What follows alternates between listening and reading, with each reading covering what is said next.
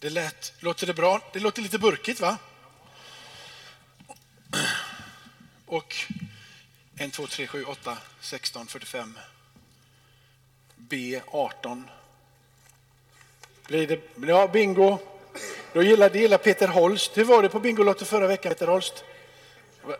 Morsan var glad. Jag såg du hade med dig din flöjt. Han kom här ute förra veckan när, när gänget stod här utanför och sjöng Eh, på, på vid tältet här och eh, spelade så fint, vilka det nu var, Jenny och ni höll på där. Då kom han, tog fram en liten blockflöjt i vickan. Och så började han spela. Så, Peter, de håller ju på, det får inte spela. Nej, men det, jag har tänkt så här, han, jag ska åka på Bingolotto här. Jag tänkte jag skulle göra en kupp. Det är ju direktsändning. Så han, jag vet inte, gjorde du det? Tog du fram den? Du vågar inte? Icke en fegis, Peter. Icke en fegis. Härligt. Vi vågar bara här. Ja, vi är, vi är alldeles för ställda. Det är för, för lite respekt. Eh, uh, jag ber en bön, tror jag. jag eh, när man börjar hålla på och skoja så är det lätt att det rinner iväg. Tackar dig Fader i himmelen för att vi får eh, komma till ditt hus, tredje advent. Att vi får hylla, ära, celebrera det namn som är över alla andra namn. Eh, våran frälsare, våran Herre Jesus, vi vill följa dig i allt. Vi är så tacksamma att två stycken av eh, våra vänner här har beslutat sig för att följa dig. Att ha dig inte bara som frälsare utan också som mästare, som Herre att eh, i allting vilja följa och låta det livet som du har gett dem få genomsyra och stråla ut vad de än går. Ehm, den här stunden Herre, när vi läser ditt ord, där jag försöker lägga ut texten Herre, ehm, välsigna oss Eh, med en ande av uppenbarelse, med en ande av förståelse så att vi kan eh, greppa vem du är. Växa upp Herre till mognad i dig så att vi kan vandra på den väg som du vill att vi ska gå. Amen. Amen, amen, amen. Ja, första, eh, första advent, om det handlar om nådens eh, intåg, eh, nådens rike, andra advent, Guds rike. Och denna, denna söndagen så är det bana väg för Herren. Och jag ska försöka tala över eh, fridsfursten. Jag vill tala frid. Eh, mitt eget liv så är jag eh, ibland eh, alldeles på tok mycket sidad och gillar att saker och ting händer. Så att jag behöver tala om för mig att jag behöver faktiskt inte se till att det händer utan det är Gud som ser till att det händer. Och allt folket sa. Amen. Det är inte du och jag som ska få saker och ting att röra sig. Det är Gud som ska få saker och ting att röra sig. Och eh, vi behöver eh, förstå det. Jesus är den guden som mitt i stormen ligger och sover. Lärjungarna är oroliga, lärjungarna springer, lärjungarna försöker få kontroll på situationen, de klarar inte av att få kontroll på situationen. Och vem vänder de sig Jo, de vänder sig till han som sover i Matteus 8 så går det till han som sover, han som inte bryr sig. Bryr sig inte Jesus om stormen? Är det det som är faktum? Är han nonchalant mot stormen? Är han nonchalant mot vad eh, apostlarna känner i sitt hjärta? Är han nonchalant emot vad de är på väg för någonstans? Bryr han sig inte om ifall de ska gå under? Varför ligger han och sover? Och när han vaknar och de väcker honom så eh, behöver han bara gå ut, han behöver bara titta på stormen, han behöver bara säga ett enda ord och så lägger sig stormen. Och lärjungarna blir förundrade. Vem är han? Till och med stormarna, vinden, allting får lägga sig. Du vet, Jesus är frid. Det spelar ingen roll vad omständigheterna än gör, hur människor än pratar, hur människor än funderar. Det spelar ingen roll vad som än kommer emot Jesus, för han äger frid, för att han är frid. Det finns inga omständigheter, inga situationer, inga människor som börjar få Jesus att vackla. Han är frid. Till och med så mycket frid i honom. Så det som finns utav jord runt omkring, storm, vind, vatten måste böja sig. Han är frid. Därför så ska vi läsa från Jesaja 9, vers 6. Tillsammans här. Vi kan läsa tillsammans. För ett barn blir oss fött, en son blir oss given. På hans axlar vilar herradömet. Hans namn är under, rådgivare, mäktig Gud, evig far, fridsförste. Fridsförste. Eh, över, de, över, så långt, någonstans mellan 3000 och 4000 år bakåt i historien så eh, har man tittat över jag slog lite olika källor och källorna säger lite, lite olika. Men om jag summerar och försöker dra ihop det så är det ungefär så här att under de här åren av då 3 500 till 4 000 år så beräknar de att någonstans har det varit fred på jorden. Inga riktigt stora krig som varit omspännande på 300 år. Så de senaste 4000 åren så har det varit 300 år av fred kan man säga då. Och de påstår att de sista, eh, det är, någon, det är något institut i London och det är även någon norsk eh, professor på något sätt som säger de här sakerna. Som är, det är, alla säger lite, lite olika så man blir lite förvirrad. Men de 30 30 eh, sista åren så säger de att någonstans runt 250 krig har det varit bara i Europa. Europa. Konflikter, sånt som liknar som krig. Man har rest upp med vapen. Det behöver inte vara ett fullskaligt krig som andra världskriget. Men det har varit en så pass stor konflikt som man behöver kalla in fredsmäklare och man behöver ha diplomater för att prata ihop sig. 300 stycken säger de, eller 250 uppåt. Jag tror vi alla är behov av en fridsförste. Eh, det var den stora bilden. Varför, varför jag väljer att tala om den stora bilden? För att jag vet att du har världskrig i ditt eget liv ibland. Och du har världskrig i din familj ibland. Och sen har du världskrig i din kyrka ibland. Och sen så har du världskrig i, i liksom lite överallt ibland.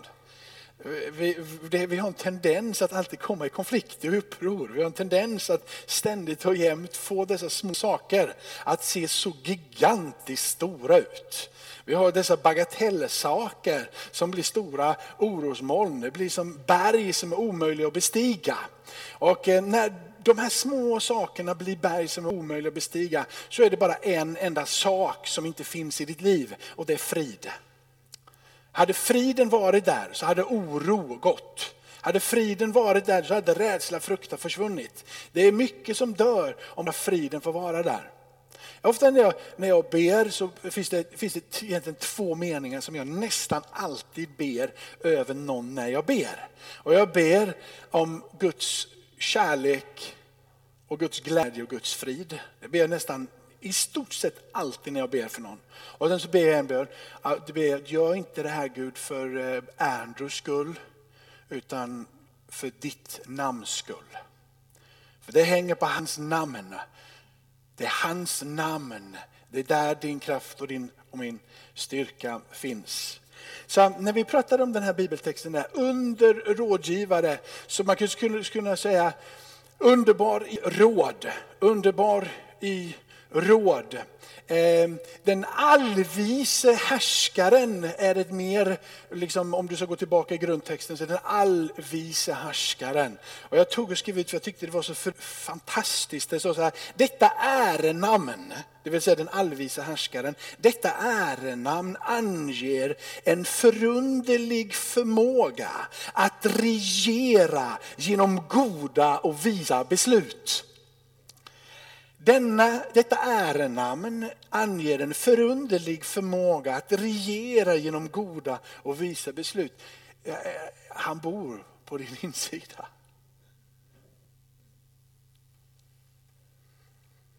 Den här eh, underbara i råden allvisa härskaren Eh, mäktig Gud står det där uppe. I, i, I, översättningar som ligger crossover här så pratar den en gudomlig hjälte. Han är så mäktig, han är, det finns så mycket hjälte i att han vill stiga in där du och jag är och han vill reda upp varje trasig situation. Ska vi ta nästa bildtext? Jag ska, jag ska försöka predika ut här om, om några minuter, mitt hjärta, men jag tänkte ta lite igenom här först. Ska vi ta Filipperbrevet 4? Då står det så här, då ska Guds frid som övergår allt förstånd, allt förstånd. Det, frid kommer inte genom att jag vet hur jag ska lösa min konflikt med dig Jannike. Eller min konflikt med dig Jenny. Den friden är djupare, den är högre, den är större än ditt förstånd. Det finns ingen strategi i det här. Det finns ingen kunskap bakåt eller framåt. Det finns inga böcker av ledarskapsideologier, filosofier, strukturer, modeller. Det finns liksom ingen kunskapsbank som kan reda ut det här. Utan friden som kommer från Gud är bortom förstånd. Det är någonting han lägger i dig och mig. Och han lägger det i dig och mig så att du och jag ska kunna bevara våra hjärtan. Våra, våra hjärtan är bräckliga. Så många gånger i livet som mitt hjärta har rest sig upp och jag är arg. Och jag vet att när jag är arg och mitt hjärta är brustet så vet jag att det är inte fel på dem. Det är jag som inte har tillräckligt mycket frid på min insida än. Jag har inte låtit det ta tag i mig. Tankarna står det här. Så att våra tankar kan vara kvar i Kristus. Mina tankar de flyger bra många gånger iväg. De flyger alla möjliga olika ställen. Ganska ofta, jag har ju tankar med, det snurrar i mitt huvud. På allt möjligt. Jag är som, jag är som dig Roger, när du gör så här så känner jag att jag är i mitt huvud. Det bara studsar här inne. Så att om jag, om jag skulle låta mina tankar studsa hela tiden och bara låta det få, jag skulle både bli förvirrad, ni skulle bli förvirrade. Jag behöver lugna mig, jag behöver säga mina tankar. Låt dem Herre få vara i dig. Och det kommer genom frid. När Guds frid är där så studsar inte mina tankar. När Guds frid är där så landar mina tankar i det som är Guds vilja. En frid som kommer ifrån Gud som inte beror på omständigheter. Fara, rädsla, kontroll, tappad kontroll och dåliga relationer och alla de här sakerna. De är bortblåsta. För det finns en inomboende frid. Oron, oron av att vi missar, oron av att vi inte ska hinna, oro att inte leva upp till krav från omgivningen, oro att någon annan inte blir sedd eller oro att du själv inte kommer bli sedd. Med Guds frid så är du förbi det. Guds frid ger dig kraft mitt i omständigheter. Omständigheter som innan har fått dig i obalans. Men Guds frid gör att du nu får kraft i omständigheten att vara i balans. Frid är platsen av kraft. Frid är det som ger tryggheten. Frid gör dig generös. Frid gör dig generös. För du kan bara ge det du äger. Och om du äger frid så är det det som kommer komma ut ur dig. Frid sitter inte utanför. Frid sitter i ditt hjärta. Frid är Guds rike planterat i dig. Ett frö. Frö som läggs i dig av frid. Och du kan vårda det och du kan ha omsorg om det. Du kan låta det vattna på det och du kan låta solen skina. Du kan ömma om detta lilla frö på din insida. Och vad säger Bibeln om Guds rike? Att det kan växa upp det här fröet. Så att alla himmelens fåglar kan ta sin boning här. Det är frid som planteras i dig och som växer till liv. Så att ingenting på utsidan kan störa dig i den process och den resa som Gud gjort på din insida. Frid sitter inte utanför, frid sitter i ditt hjärta. Kom ihåg det om det är någonting du ska komma ihåg från den här predikan. Och det som sitter på utsidan är tillräckligt obehagligt för mig och det frö på insidan och frid inte är tillräckligt stort så kommer jag komma i konflikt med mig själv. Så om oron är tillräckligt stor på utsidan och jag har inte låtit fröet växa upp av frid så kommer jag att börja kategorisera människor och sätta de är sådana, de är sådana, de är sådana, de är sådana och så kommer jag hela tiden att putta bort och jag kommer till slut att ställa in mig själv i ett litet hörn. För det är ingen som kommer duga och ingen som kommer kunna leva upp till mina falska förväntningar på dem. För det är de ställer inga på dig. Friden här på din insida gör att du kan komma in i ett rum där du har så många människor som är olika dig. Men du kan ändå smitta av dig av himlen och skapa en harmoni. För frid är någonting som inte är en ägodel att bevara. Frid är en ägodel att dela med sig av.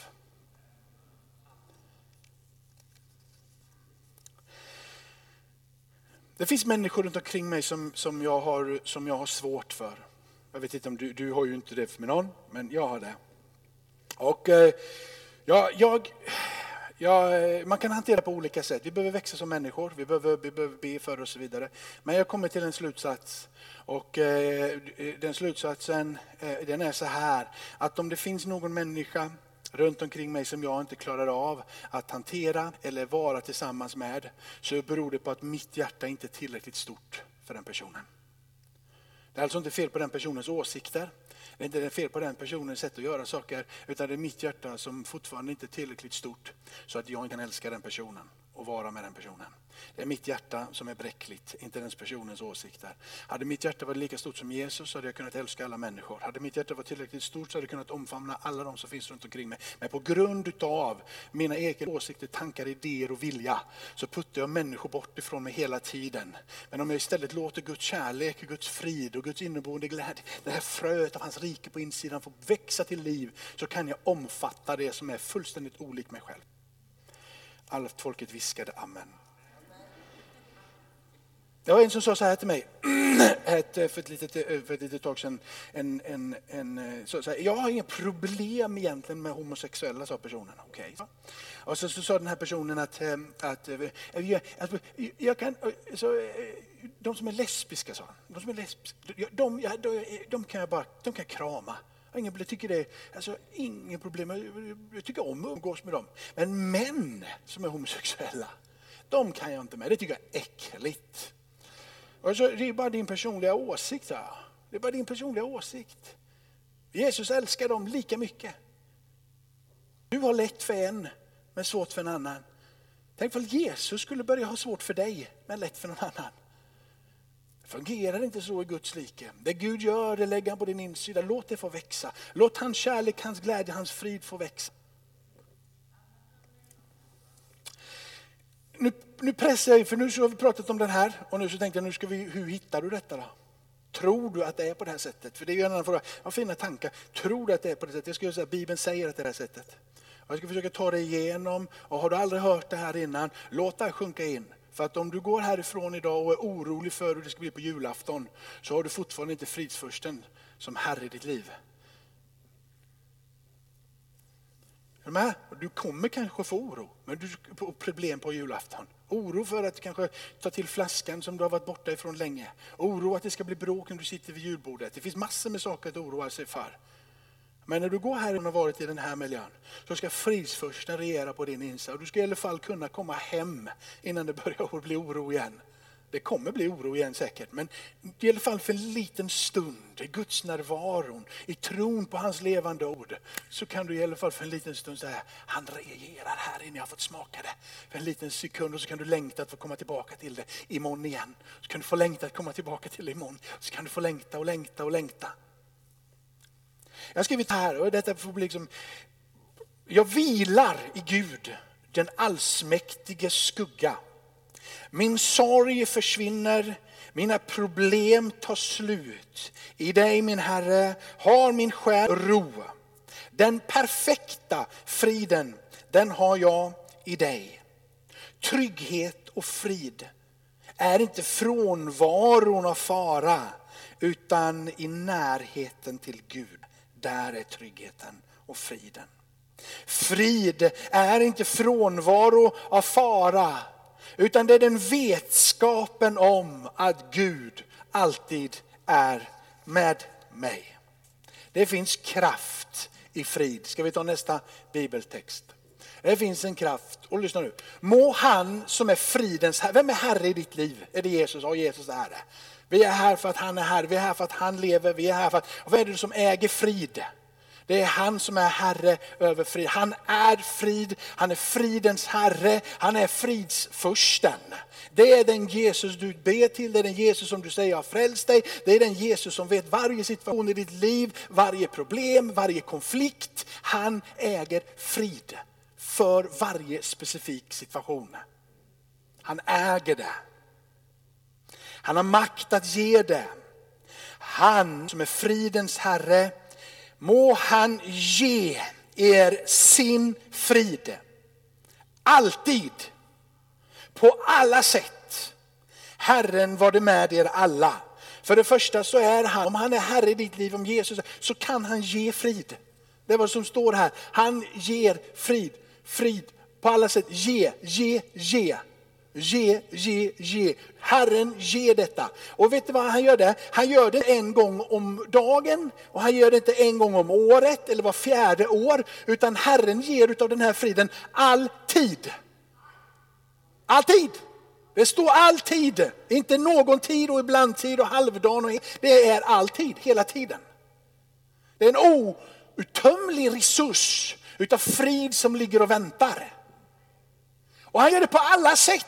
Ibland gör han det genom Andrew och ibland gör han det genom en ängel. Och ibland så gör han det liksom genom, genom ett orosmoln som Jakob. Han gör det på alla, på alla sätt. Han bara längtar efter att ösa det över dig. Han bara är så hungrig på det. På alla sätt.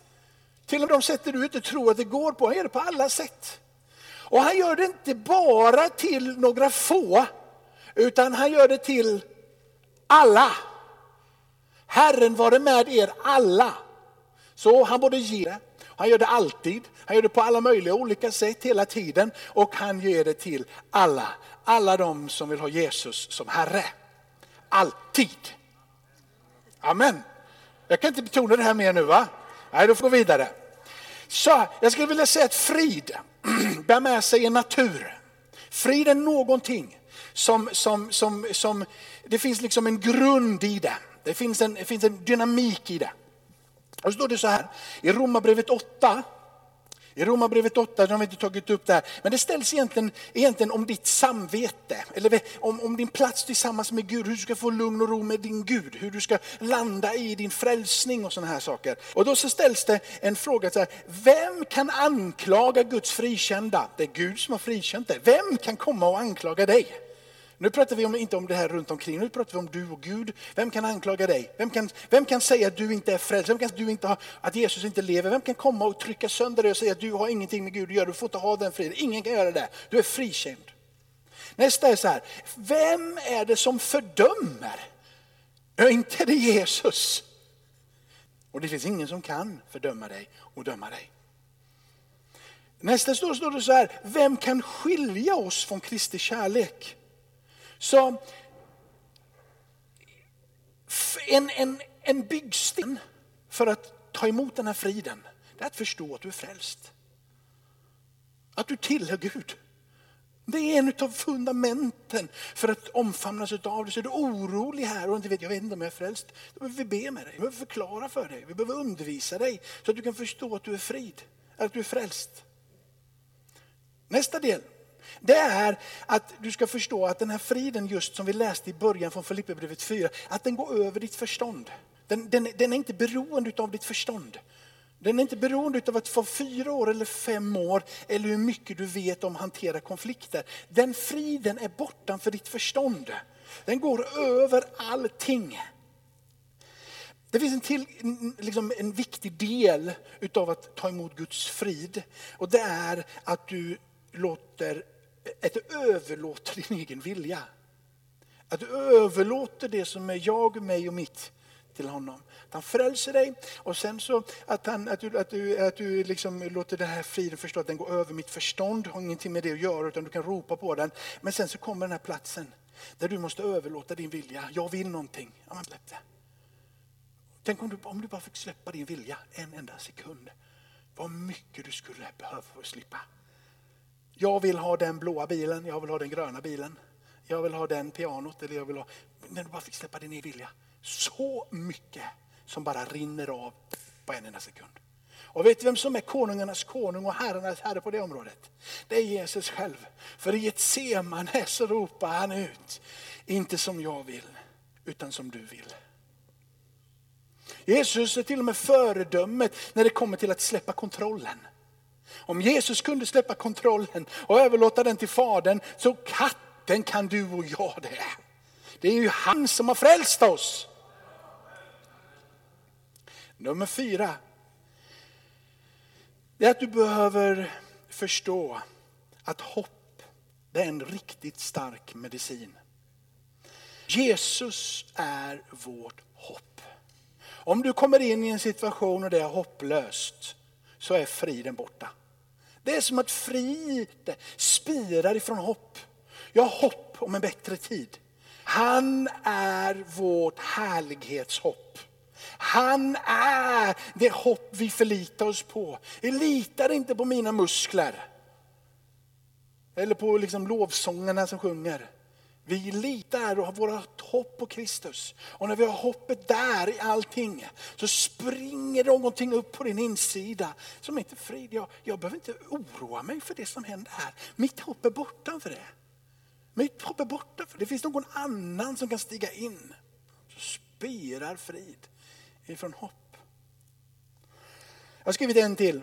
Och jag vill mena att mycket av frid landade landar i detta. Sen ska jag tala om hur, vem som är frid, bara kort för dig. Och sen hur du kan ta emot den här friden. Men nummer fem, innan vi kommer till fridens källa, så är det så här att det finns någonting i en gemenskap. Ehm, först och främst gemenskapen med Gud, där spirar fri. Gemenskapen med varandra, kärleksfull, trygg familj en eh, omfamnande atmosfär gör att det här lilla fröet på din insida utav frid av Guds rike växer liv. Det sprider sig där du går fram. Det andas i församlingen. Du kan komma in folk i vår församling som har ett helvete bokstavligen. Men här får de frid. Vi behöver vaka över den här gemenskapen. Vi kan inte, vi kan inte bära, liksom, ta sönder den här platsen. För den här platsen, den är, jag får inte ta med mina problem in på den här platsen. Är du med i församlingen och du är stark och du har varit här mycket, ta inte, ta inte med dig in oron. Lämna den. Han säger, du kan ju Bibeln. Han säger, Jesus säger så här, kom till mig med era ok, kom till mig med era bördor, lämna dem på mig, jag bär dig. Eller hur? Så vi som är, vi, vi behöver ju vara, när vi kommer hit så behöver vi klä på oss frid. Vi behöver klä på oss glädje, vi behöver klä på oss kärlek. Så att en människa som kommer ifrån gatan och kommer in här känner att här bor frid. Vi är inte, vi är inte hycklare och eh, liksom försöker liksom vanställa oss. Vi mår, mår du dåligt så mår du dåligt och mår jättedåligt då. Vi tar hand om dig. Vi behöver skapa en plats av frid. Genom att skapa en gemenskap och en miljö där hans frid får råda. Okej, okay. det, här det, här det här var frid det här. Det här kommer frid göra. De här fem delarna kommer förlösa dig över ditt liv och du kommer må oerhört mycket bättre. Fridens källa. brevet kapitel 5 säger så här att rättfärdighet där är du av tro. Så helt enkelt frälst av tro. Eh, det, det, det, trons liksom, eh, dynamik är inte först och främst att föda fram eh, liksom, någonting annat än rättfärdighet. Rättfärdigheten sen, och så lär du dig vad det är din tro innebär. För din tro är någonting som är här borta, som, du, som, som drabbar dig, som du blir tagen av, som sen letar efter att försöka förstå eller vandra med och förstå den. Tro blir, tro blir allting det som Gud säger att han är. Predikan kommer av tro. Så när du lär dig vad du ska tro, lär dig vem Gud är, så kan du tro det. Så tro är inte något, nu ska jag hålla fast vid Gud och bara Jesus, så mycket tro. Och bara tro! Så dör du för att du försöker tro så mycket. Tro är någonting som äger här, som du säger, det här tror jag, och så ställer du dig på det. Och det bär dig genom livet. Det här, så här, det här.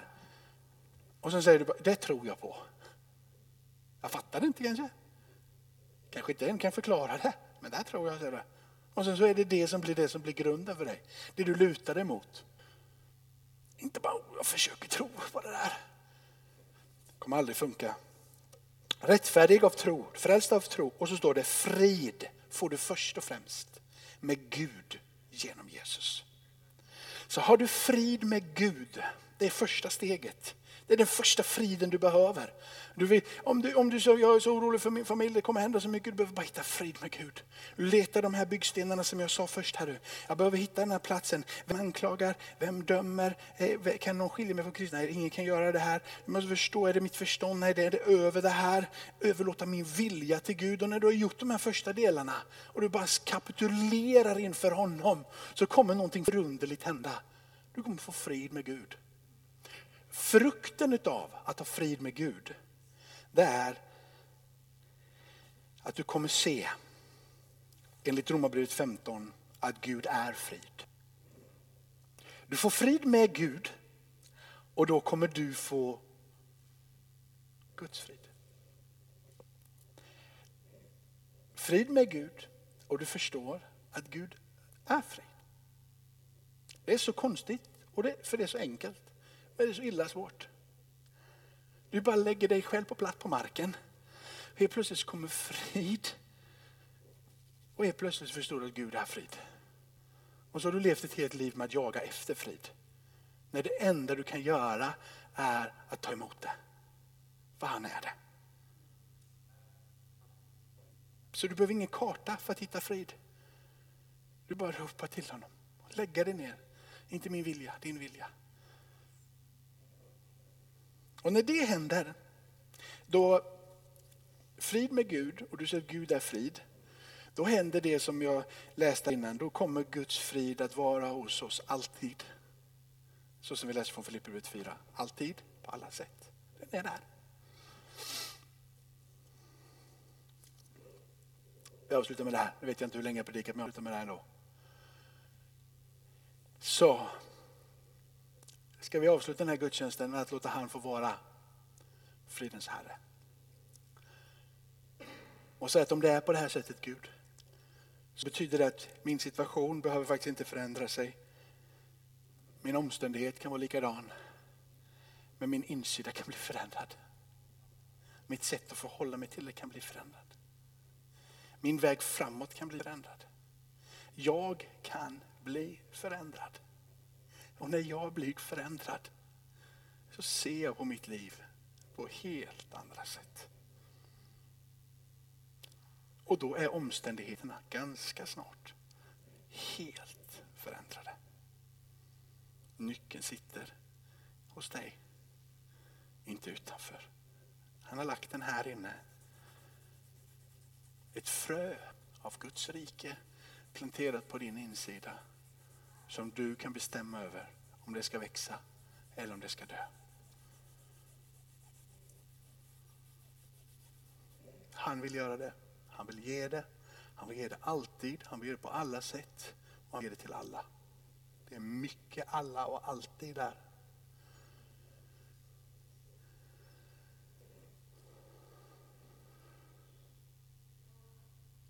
Ja, halleluja.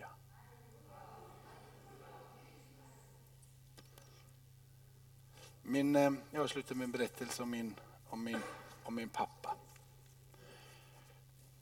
Min pappa är en sån där kille som han gillar, han gillar, inte, han gillar inte lovsång till exempel. Han tycker det är jobbigt. Så, och han, är, det, han, är, han, är, han är mer envis än vad jag är. Men, och, och, han är på alla sätt besvärlig men otroligt härlig. Han är någon man kan verkligen se upp till. Lyssnar du på detta pappa så stäng inte av nu. Eh, jag talar om frid. Han äger det. Eh, jag har sett så många gånger i hans liv hur han äger frid.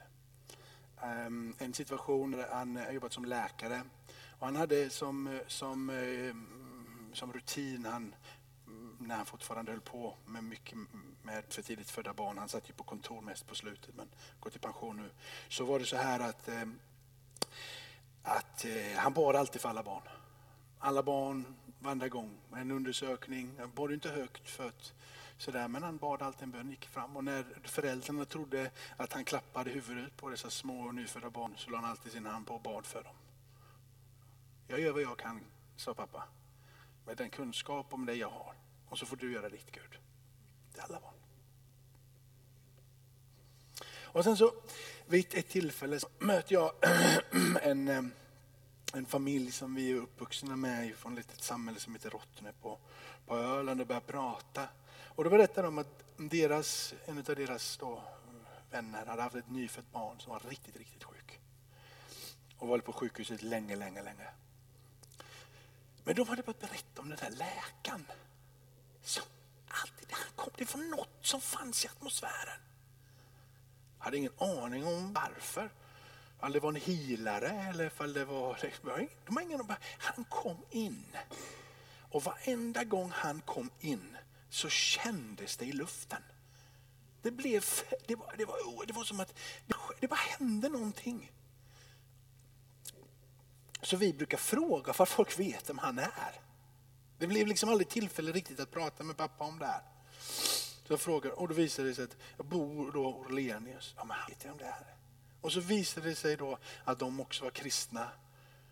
Och att sen fick veta att varenda gång så bad de för det här barnet.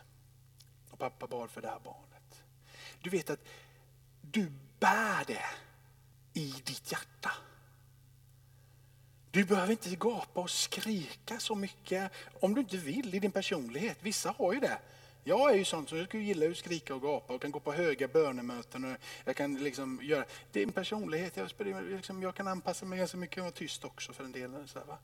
personligheter. Men jag vill bara säga, hur du än väljer att uttrycka din tro så bär du frid på din insida. Han har planterat det i dig. Tungemålstalande eller inte tungemålstalande, han har lagt frid på din insida. Profiterande eller inte profiterande, han har lagt frid på din insida. Någon som gillar att be för sjuka eller inte gillar att be för sjuka, han har lagt frid på din insida. Han gör det här, alltid, för alla, på alla sätt, jämt och ständigt när vi ber honom om det. Amen.